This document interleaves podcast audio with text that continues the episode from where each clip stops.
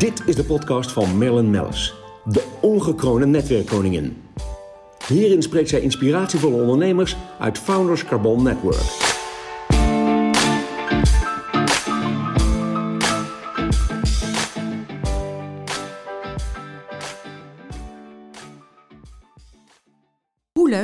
Vanochtend aan de Koningslaan en buiten prachtig uitsneeuwd, eh, uitzicht op een besneeuwd eh, Vondelpark en, en mooie straten.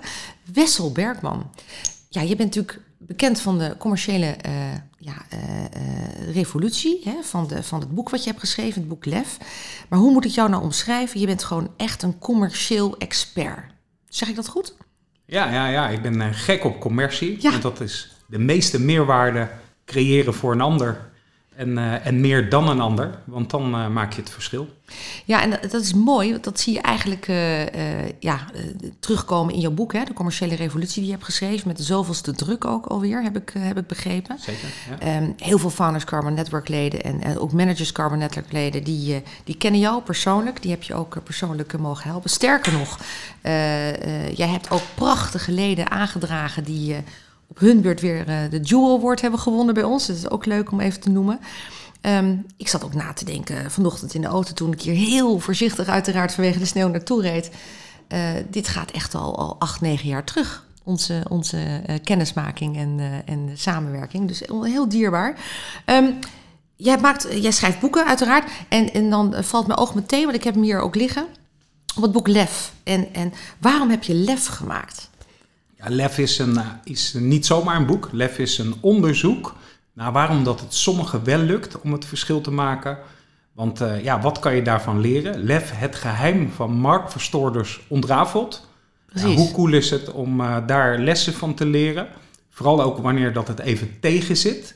En eh, ja, als je het boek leest, dan is het enige risico wat je loopt, is dat je misschien in de volgende editie komt te staan. Ja, Die ja, komt om het jaar uit. Ja, nou, wat dat vond ik ook heel mooi. Want eh, uiteraard heel trots. Hè, er staan ook een aantal Founders Carbon Network leden in. Maar je hebt hele eh, bijzondere ondernemers eh, eruit gepikt. De een bekend, de ander onbekend. En als je dan leest wat diegene doet, denk je... oh, dat is dat bedrijf. Weet je, wel, er gaat heel veel voor je leven. Maar eh, wat ik het mooi vind van het boek, hoe jij het hebt opgezet, is het is zo overzichtelijk. Dus ook de lessen die je eruit kunt leren en, en tot je te nemen. En ja, prachtige foto's, gemaakt door Guus Baks, eh, zag ik. Zo eh, is deze heel mooi. Ehm, eh, heb jij nou, nou, ik mag niet zeggen of je je favorieten hebt, maar zijn er bepaalde ondernemers waarvan je zegt, ja, dat, dat blijft me eeuwig bij? Nou, ik doe het natuurlijk ook om mezelf maximaal te ontwikkelen. Ik zoek het altijd op, die omgevingen. Eh, Ja, dat ook doe ik heel leuk. Ja. Ja, dat doe ik structureel. En, en eh, ja, waar kan je beter leren dan eh, van de mensen die het echt doen? En eh, ja, dan heb ik ook nog het voorrecht om die interviews te mogen doen. Soms twee, drie keer twee uur.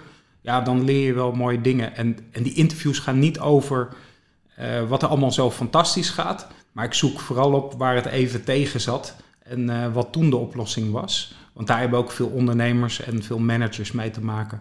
ja. Ja, en, en in commercie, ja, daar leer ik ook heel veel hoe dat naar een next level gaat. En ehm, ja, daar kan ik zo wel wat over vertellen, ja, waar commercie naartoe want, eh, gaat. Ja, want ik wil zeggen, want wat zijn de ontwikkelingen hè, waar, dat, waar dat naartoe gaat, de commercie? Hoe zie jij dat? Nou ja, iedereen eh, die kent wel de technologische ontwikkelingen, internet, online. eh, maar er is eigenlijk iets anders aan de hand. Dat veel bedrijven, je zou het kunnen zien als dat er in sales drie levels zijn van opereren.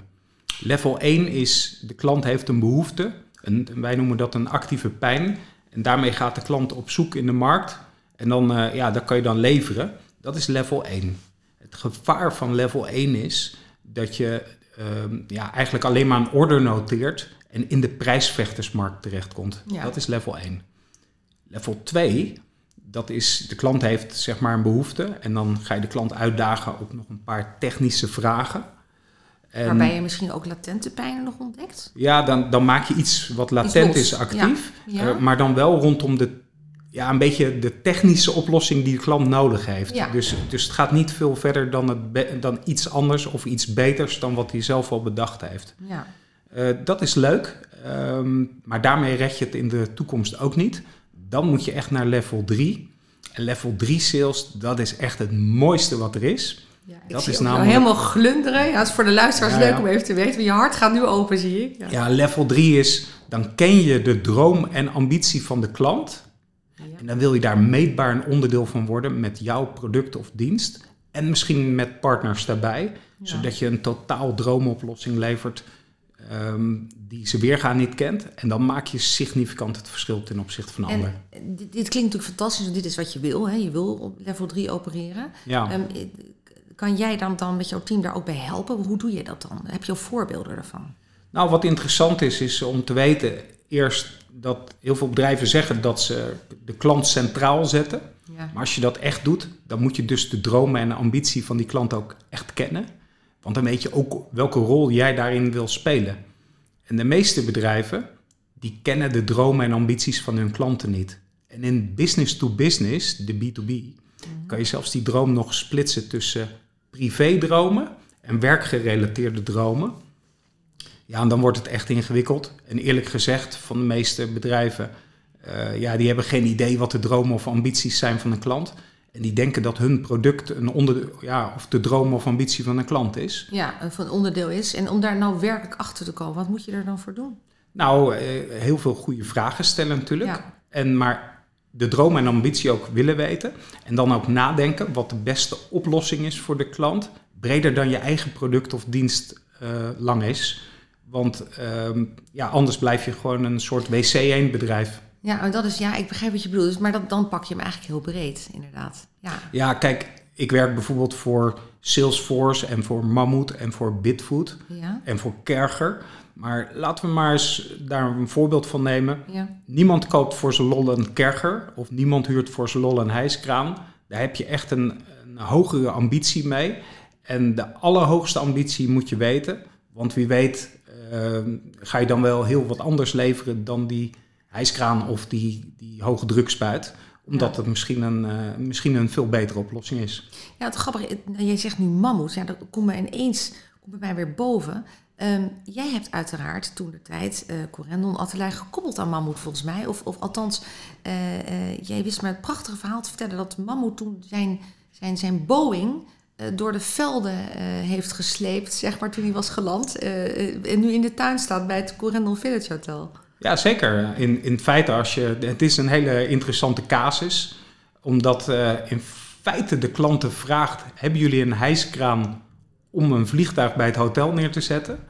Maar als je echt door gaat vragen naar de droom of ambitie van de klant, dan, is het, is het, dan zou het in de richting kunnen zijn van um, heel veel media-aandacht bijvoorbeeld. Ja. Dus ja, als je dan als technisch gaat kijken, als kraanleverancier. Wat is haalbaar? Ja, wat is haalbaar? Dan zou je dit in een halve dag kunnen doen.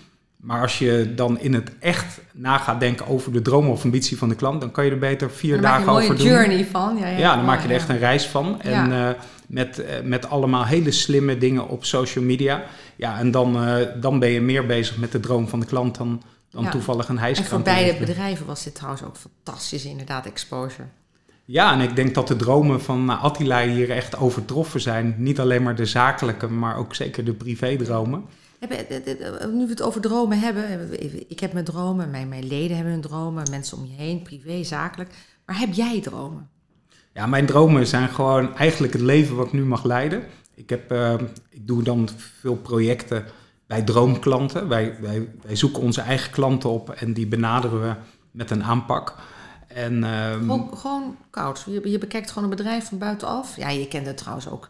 Je hebt ook een fantastisch netwerk, dus je kent natuurlijk ook heel veel mensen. ja, we komen maar wel jij, binnen. jij komt zelf eh, eh, ook echt, echt eh, out of the blue met fantastische ideeën. Want dat is eigenlijk wat, wat, wat bedrijven ook nodig hebben. Hè? Want jij zegt nu dromen. Ik moet dan meteen denken aan droomparken. Maar ik kan me ook voorstellen dat jij soms kijkt naar een bedrijf, eh, net zoals bij Bitfood, dat je denkt, nou, wat kunnen we daar nog beter aan, aan Ja, verbeteren? zeker. En dan, ja, Nou, ik, dit is misschien ook een leuk linkje. Ik denk dat heel veel bedrijven hun droomklanten niet in kaart hebben.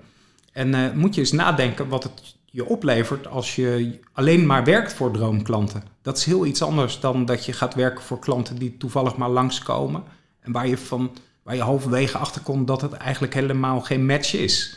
Eh, en daarmee sloop je in feite je eigen bedrijf en je medewerkers. ja. Ja, en dat kan niet de bedoeling zijn van je bedrijf, want dat moet het mooiste ding zijn wat er is. Nee, want ik zit nog even te denken aan de commerciële revolutie. Er zit natuurlijk ook een heel zwaar onderdeel sales in. Wat heb jij nog tips? Want dat is altijd zo leuk. Er zijn natuurlijk ontzettend veel ondernemers die eh, op, eh, naar deze podcast luisteren. Ehm, heb je nog tips? En het hoeft niet alleen sales gerelateerd te zijn. Nou, ehm, als je dan toch een moment krijgt met de klant, uh, nu misschien een beetje online, maar straks ook weer live. Ik ga altijd voor live, meer Ja. impact. Dan is de nieuwe norm van een salesgesprek het allerleukste moment van de week met de grootste impact op de droom of ambitie van je klant. En dat is de nieuwe norm. Loop je naar buiten na een uur en scoor je niet hoger dan een 8 op deze twee maatstaven, dan moet je maar hard gaan nadenken hoe je er volgende keer wel een feestje van maakt. Ja. En dit tot iets gemeenschappelijks maken binnen je bedrijf. Want dan gaat het dak eraf in plaats van maar wat doen. Ja, oh heerlijk. En ja, eh, wat ik altijd merk, dat mensen vinden het toch leuk om, om nog voorbeelden te zien en te horen van bedrijven. Ik weet niet of je daarover mag praten. eh, hoe jij inderdaad eh, een, een bedrijf omhoog gestuurd hebt, eigenlijk met jouw kennis en kunde. Ja, we worden afgerekend ook voor een groot gedeelte op resultaten. Dus, dus wij komen niet weg met een trainingje met mooie verhalen. En er zijn precies. echte ervaringsdeskundigen Oh ja. die ons ook laten afrekenen op die droom. Maar ja, misschien nog een ander leuk ding is, eh, noem je eh, zeg maar een klant die koopt, kan je natuurlijk klant nou, eh, noemen. Je zou het ook leden kunnen noemen. En een, ja, het voordeel is van een lid, als je het heel goed doet, leden blijven langer. En als, het, als je het ook heel goed doet, dan het twee le of nemen leden, neem het twee nieuwe mee, elk kwartaal. Maar moet je eens nadenken, als dat gaat gebeuren, dat je dus, dus niet meer accountmanagement inricht, maar ledenmanagement, dat, dat je huidige leden twee nieuwe per kwartaal meenemen, ja, dan hoef je die hele klanttevredenheid of NPS niet meer te meten. Want ja, daar ga je vragen, zou je het willen doen? Dan kan je beter vragen, welke twee doe je? Dat is Ja, veel ja, interessanter. Ja, ja. Oh ja, mooi. Dus, ja, en dat snapt ook iedereen binnen je bedrijf, in plaats van ingewikkelde hypes volgen. Ik kan me ook voorstellen dat je, je, je MKB, MKB Plus, semi-corporate, corporate, hè, die bedien je allemaal. Eh, of of eh, heb ik dit verkeerd? Ja. Je bedient ze allemaal, ja. Ehm, eh, ik kan me voorstellen dat soms je in een organisatie... het kan zijn dat het een founder is van een MKB-bedrijf... of een, een ja, wat, zoals ze dat wel noemen, wat stroperige corporate bedrijf. ehm, dat het best moeilijk is voor jou om, ondanks dat ze je vragen om, om een verandering eigenlijk te brengen... om dat er ook doorheen te krijgen. Nou, dat valt mee, maar dat, dat heeft te maken met als je goed je definitie van je droomklant hebt. Bij ons is die, eh, je moet gelijkwaardig behandeld worden. Eh, en onze droomklant moet ook een grote ambitie hebben om het te veranderen. En eh, zo kan ik nog wat randvoorwaarden opnoemen. En wat je ziet binnen ja, bijvoorbeeld hele groot corporate bedrijven, dat er eigenlijk de organisatieambitie al lang de deur uit is gelopen. En dat het gaat om persoonlijke ambities van mensen. Ja. En, eh, en dat het gaat over leveranciers. Wij willen nooit leverancier zijn. Wij, willen, wij zijn partner. Dat, dat heeft met hiërarchie te maken. Het moet gewoon kloppen. En, en je moet er zin in hebben om het aan te willen pakken. En niet gaan slapen voordat het klaar is. Ja. Ja, en daar hebben we het gemiddelde corporate manager. Die is daar niet echt mee bezig, eerlijk Nee. gezegd. Dus daar werken we niet meer voor. Nee, nee, precies. Precies. Nou ja, dat, dat zie ik ook bij jullie. Je hebt heel duidelijk je, je klantenkring eh, om je heen en, en de mensen waar je mee scoort. Ja, ik heb natuurlijk talloze voorbeelden ook eh, binnen ons eh, eh, netwerk, zeg maar. voor mensen die jij hebt geholpen en, en helpt. Dus heel bijzonder. Ja, ik vind het ook heel gezellig om je hier te hebben. We zitten alweer eigenlijk aan het eind van de, van de podcast. Ehm, is er nog iets waarvan je zegt, nou, dat wil ik nog even meegeven? Ja, ik, bepaal je droomklanten, maak de grootste impact en word een onderdeel van de droom of ambitie van je klant. En doe er vooral geen concessies op. En eh, dan word je echt een bedrijf waar je later ook super trots op bent en terugkijkt. Ook als je een corporate carrière hebt en dat je denkt van, goh, had ik maar dit of had ik maar dat. Oh ja, nog één dingetje. Als je dan toch iemand inhuurt, vraag dan even waarom dat hij jou zo bijzonder maakt. In plaats van dat hij hetzelfde ook aan je concurrent verkoopt. Want dan wordt commercie nooit je onderscheidend vermogen. Kijk, nou, dit is wel een hele mooie laatste quote. Dankjewel, Wessel Bergman. Fantastisch. Nou ja, je bent met recht een commercieel expert. En eh, ja, goed, voor degenen die nog eh, interesse hebben om er eens verder in te duiken. Commerciële Revolutie, prachtig boek. Eh, maar ook de boeken van Lef. Want hoeveel edities heb je nu uitgebracht van Nou, Lef? hij komt om het jaar uit. Ja? En ik ben alweer bezig met de volgende. de derde? Ja, dat wordt de derde. Mooi. En eh, Lef Goud met geheim van topsporters ontrafeld komt er ook aan. en dat wordt ook weer een eh, superleuk ding. Heel bijzonder. Nou, ehm, ik kan het iedereen aanraden. Heel veel dank en voorzichtig weer naar huis. Door de sneeuw.